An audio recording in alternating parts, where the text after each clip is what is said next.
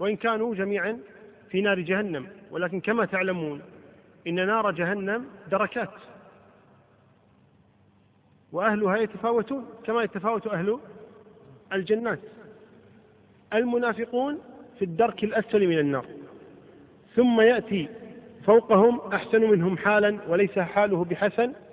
هم الكفار كالهندوس والبوذيين والمجوس وغيرهم والملحدين.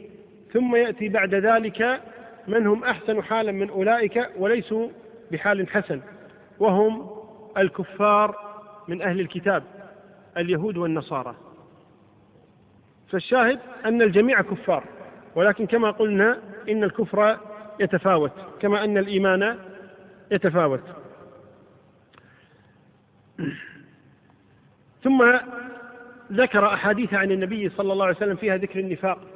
وذكر الكفر. فهذه الأحاديث نرويها كما جاءت وهذه تسمى بأحاديث الوعيد. ثلاث من كن فيه كان منافقا خالصا ومن كانت فيه خصلة منها كان فيه خصلة من النفاق. وقول النبي صلى الله عليه وسلم آية المنافق ثلاث إذا حدث كذب وإذا وعد أخلف وإذا أتمن خان إذا التقى المسلمان بسيفيهما فالقاتل والمقتول في النار. النائحة لا ترى لا تجد رائحة الجنة ما لم تتب.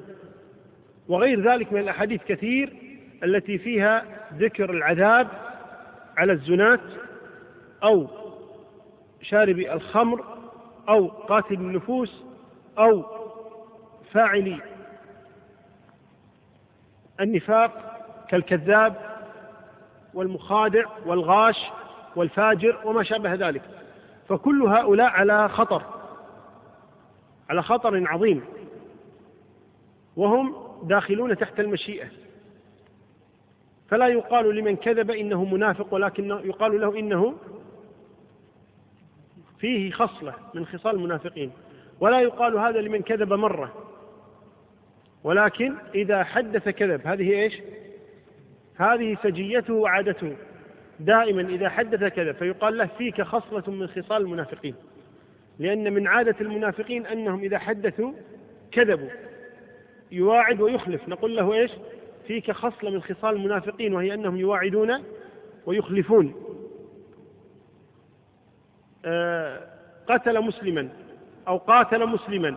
نقول فيك خصلة من خصال الكفار.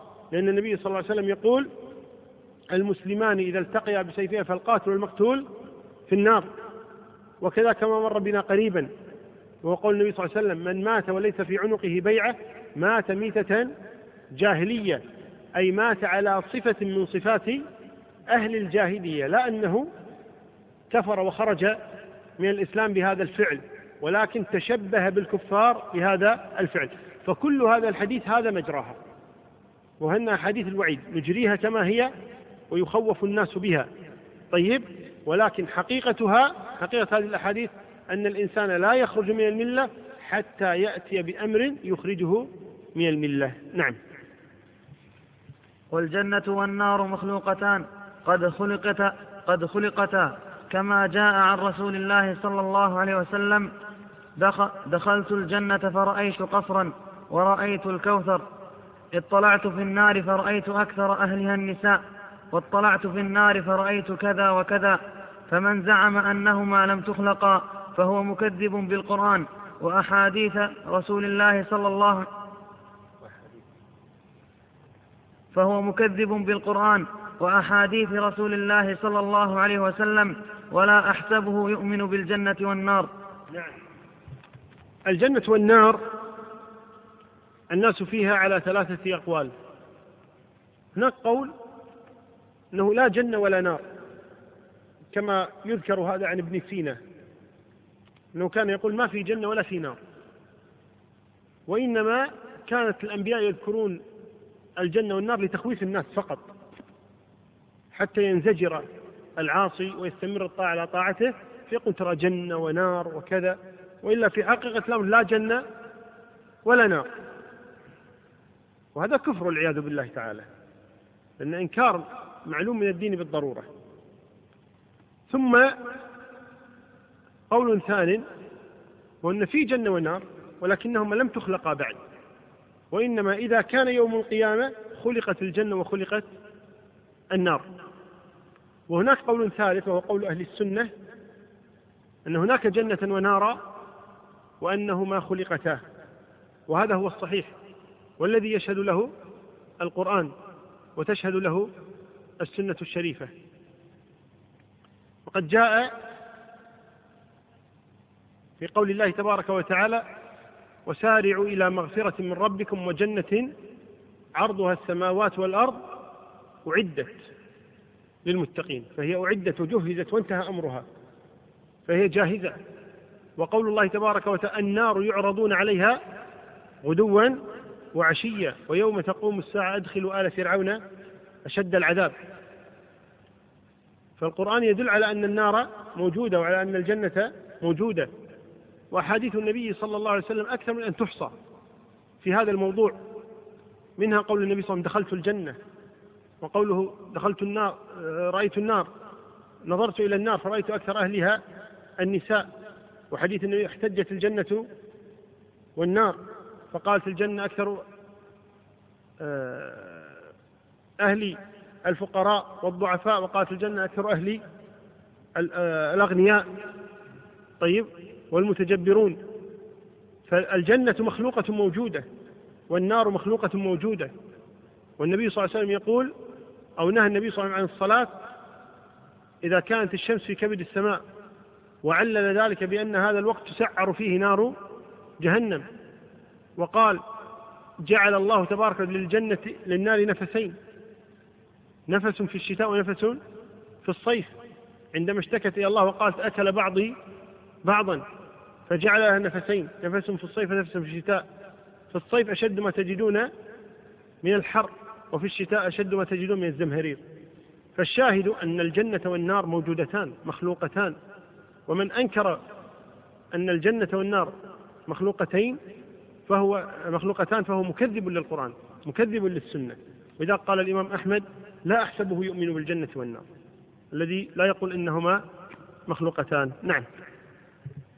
ومن مات من أهل القبلة موحد موحدا يصلى عليه ويستغفر له ولا يحجب عنه الاستغفار ولا نترك الصلاة عليه لذنب أذنبه صغيرا كان أو كبيرا. أمره إلى الله عز وجل. نعم. من مات من أهل القبلة موحدا يعني وإن كانت عنده كبائر. وإن كانت عنده ذنوب. فإنه طالما أنه من أهل القبلة فإنه يصلى عليه يصلى عليه. ولكن قد يترك الصلاة عليه أهل العلم والفضل من باب الزجر لغيره لا الزجر له لأنه هو الآن لا ينتفع بهذا الزجر وإنما ينتفع غيره لأن الناس كما تعلمون يفرحون إذا صلى على موتاهم أهل الخير. لأنهم يرون أن في دعائهم قبولا أو لدعائهم قبولا عند الله تبارك وتعالى. فعدم الصلاة على أمثال هؤلاء زجر لغيرهم. وإذا كان أهل العلم من السلف يمتنعون عن الصلاة عن أه-، على أهل الكبائر وأهل البدع لزجر غيرهم بهذا الفعل. وكان النبي صلى الله عليه وسلم في أول الأمر لا يصلي على من كان عليه دين زجرا لهم عن التساهل في أمر الدين. أما من حيث الجواز فيصلى على الموحد مهما كانت عنده من المعاصي طالما أنه موحد فإنه تجب الصلاة عليه. ويعني تجب الصلاة عليه أي تقام لا أنه يجب على كل شخص ولكنها فرض على الكفاية. لو ترك الجميع الصلاة عليه أثم كل من علم. وأما إذا أقيمت الصلاة عليه فلا يلزم الباقين أن يصلوا عليه. المهم أن تقام الصلاة عليه طالما أنه موحد. قال ويستغفر له لا مانع أن يطلب له المغفرة. وإن كان مات على كبيرة بل هو أحوج الناس إلى الاستغفار. أحوج الناس إلى الاستغفار هؤلاء الذين يموتون على كبائر الذنوب هم أحوج الناس إلى أن نستغفر لهم. وإلا لو كان الميت من أهل الجنة ما في داعي للاستغفار له. ولذلك النبي صلى الله عليه وآله وسلم بل من العبث لو استغفرنا له. ولذلك النبي صلى الله عليه وسلم كما هو معلوم مر على قبرين. وقال إنهما يعذبان وما يعذبان في كبير أما أحدهما فكان يمشي بالنميمة وأما الآخر فكان لا يستنزه من البول هذا في كبيرة وهذا في كبيرة ومع هذا استغفر لهم النبي صلى الله عليه وسلم ووضع الجريدتين نصف جريدة من النخل ونصف جريدة أخرى قال لعله أن يغفر لهما ما لم ييبسا. نعم. قال ولا تترك الصلاة عليه لذنب أذنبه صغيرا كان أو كبيرا. وأمره إلى الله إن شاء عذبه وإن شاء غفر له. هذه زبدة هذه الرسالة أو هذه هي رسالة الإمام أحمد بن حنبل رحمه الله تبارك وتعالى وغفر له وأثابه. نسأل الله تبارك وتعالى أن يكون قد نفعنا وإياكم بما سمعنا.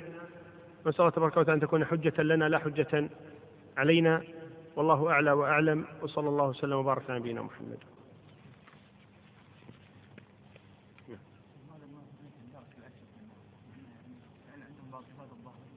لا يقول يقول لماذا كان المنافقون في الدرك الأسفل؟ لماذا كانوا أشد عذابا؟ نعم لأن ضررهم أعظم.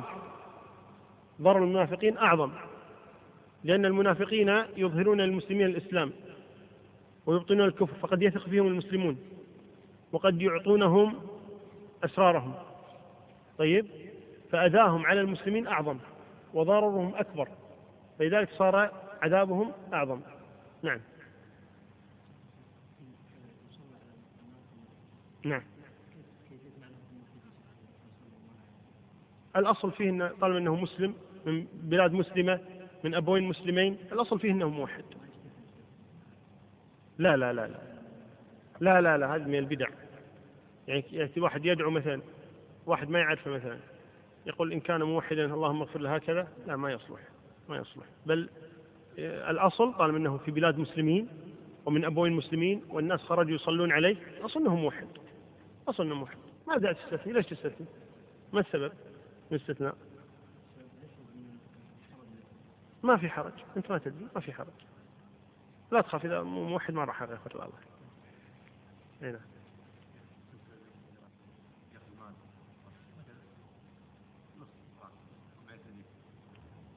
معود طب عليه البيت ليش طب عليه هذا؟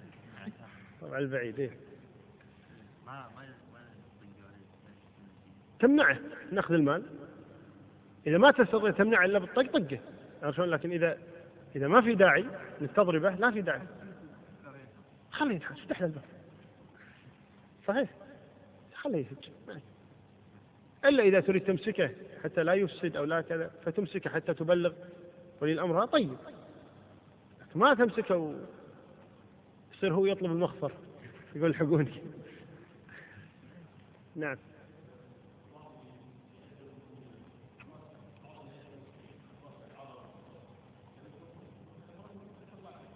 إيه؟ إذا نعم إذا إذا كان بشخصه بعينه هو تقول فلان مثلا. طيب تنص عليه تقول فلان الشخص الفلاني تقول هات تقيد. تقول إن كان مات على ما هو عليه فلعنة الله عليه. تقيدها. ما تدري يمكن تاب يعني لا تصير مثل شنو واحد أذكر أنا حضرت معاه مرة فذكر أذكر معروف أظن سلاح العوزي رشاش يهودي. طيب صنعه يهودي. فقال هذا السلاح صنعه يهودي عليه لعنة الله. عرفت شلون؟ فأنا استثني قلت إن لم يتب. فواحد قال حتى لو تاب. هذا غلو. عرفت شلون؟ غلو. طيب يا أخي تاب. أبو سفيان كان رأس المنافق الكفار وتاب. إيش المشكلة يعني؟ فهذا غلو حقيقة يعني ما ما ما يقبل مثل هذا الكلام. لذلك ابن كثير رحمه الله تعالى لما ذكر في البدايه والنهايه عن رجل قال له نقفور ملك من ملوك الروم. كان عنده شاعر نظم قصيدة في أكثر من سبعين بيت يهجو فيها الرسول صلى الله عليه وسلم والإسلام والقرآن والمسلمين. طيب. وبلغت هذه القصيدة ابن حزم رحمه الله تعالى. ف كما يقولون خرجت من قريحته قصيدة كما يقول عصماء يعني يدافع عن الإسلام والمسلمين بنفس الوزن بنفس القافية. ارتجال. 120 بيت تقريبا. يرد على هذه القصيدة قصيدة هذا النصراني. الشاهد من هذا أن الحافظ بن كثير رحمه الله تعالى لما علق على هذا قال أن هؤلاء أنهم أرادوا أن يعني يطعنوا في الإسلام كذا في هذه القصيدة فعليهم لعنة الله. والملائكة والناس أجمعين. عن هذا المقفور يقول عليه لعنة الله والملائكة والناس أجمعين. أكتعين أبتعين أبصعين. هذه كلها كلمات مترادفة يعني. مترادفات ثم قال إن لم يكن تاب. شوف الاستثناء. هذه هي عقيدة أهل السنة والجماعة. إحنا ما بيننا وبيننا شيء يعني إذا تاب بعد إحنا يعني الله يرحمه إحنا نصير يعني نتدخل في رحمة الله تبارك وتعالى. الله سبحانه أن إذا تاب الإنسان. ولذلك يقول النبي صلى الله عليه وسلم عجب الله ضحك الله لرجلين. قتل أحدهما الآخر كلاهما يدخل الجنة. كافر يقتل المسلم فيدخل المسلم الجنة. ثم الكافر يتوب فيقتل شهيدا فيدخل الجنة. يعني نحزن إذا الكافر أسلم؟ عكس نفرح إذا أسلم. علم الله تبارك وتعالى. لو أي كافر لو جاء وتاب تقبل توبته ولا يجوز قتله. إلا إذا كان يعني هناك مثل يقولون يعني أشياء توجب قتل غير قتال المسلمين. طيب؟ فالشاهد أنه إذا تاب الكافر ما يجوز أن ندعو عليه. لكن أنت تقيد تقول عليه لعنة الله إن كان مات على ذلك. أو تلعنه في الحياة. طيب إذا يعني فعل فعلا مثلا آه، آذى فيه المسلمين تلعنه مثلا اللهم العنه العن فلان مثلا على ما فعل في حياته وتركها أولى وتركها أولى كما جاء النبي صلى الله عليه وسلم أنه لعن رعل وذكوان. وسيت الثالثة. طيب عرينة لعنهم النبي صلى الله عليه وسلم فأنزل الله تبارك ليس لك من الأمر شيء. ليس لك من ليس لك من الأمر شيء. ها؟ أولها. ليس لك من الأمر شيء. أو يتوب عليهم أو يعذبهم فإنهم ظالمون. ليس لك من الأمر شيء. لذلك الصحيح أنه لا يلعن شخص بعينه. لا يلعن شخص بعينه بل لعن رجل دابته فقال لهم دعوها خلاص هذه ملعونة لا تركبها خلاص. فالإنسان لا يعود لسان على اللعن وإنما يقيد لعنه الله إن مات على ذلك أحسن. نعم نعم.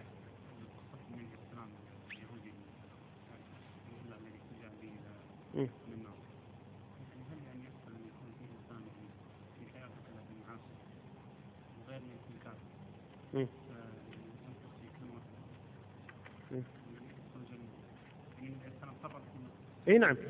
إي نعم. هذا هذا هذا كما قال الله تبارك وتعالى لنبيه صلى الله عليه وسلم قل لو أن عندي ما تستعجلون به لقضي الأمر بيني وبينكم.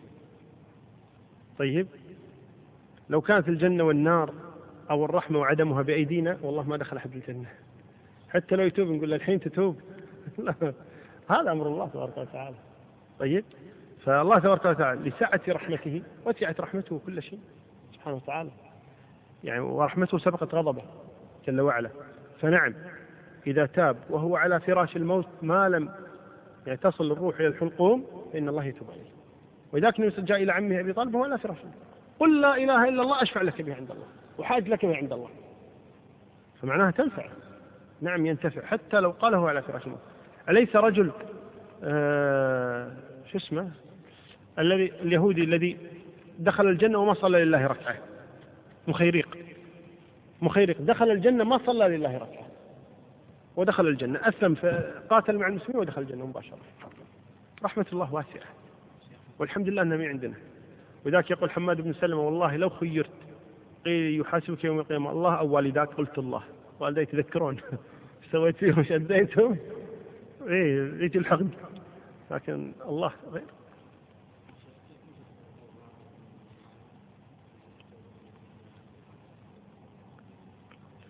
هي إذا حضره الموت كفرعون.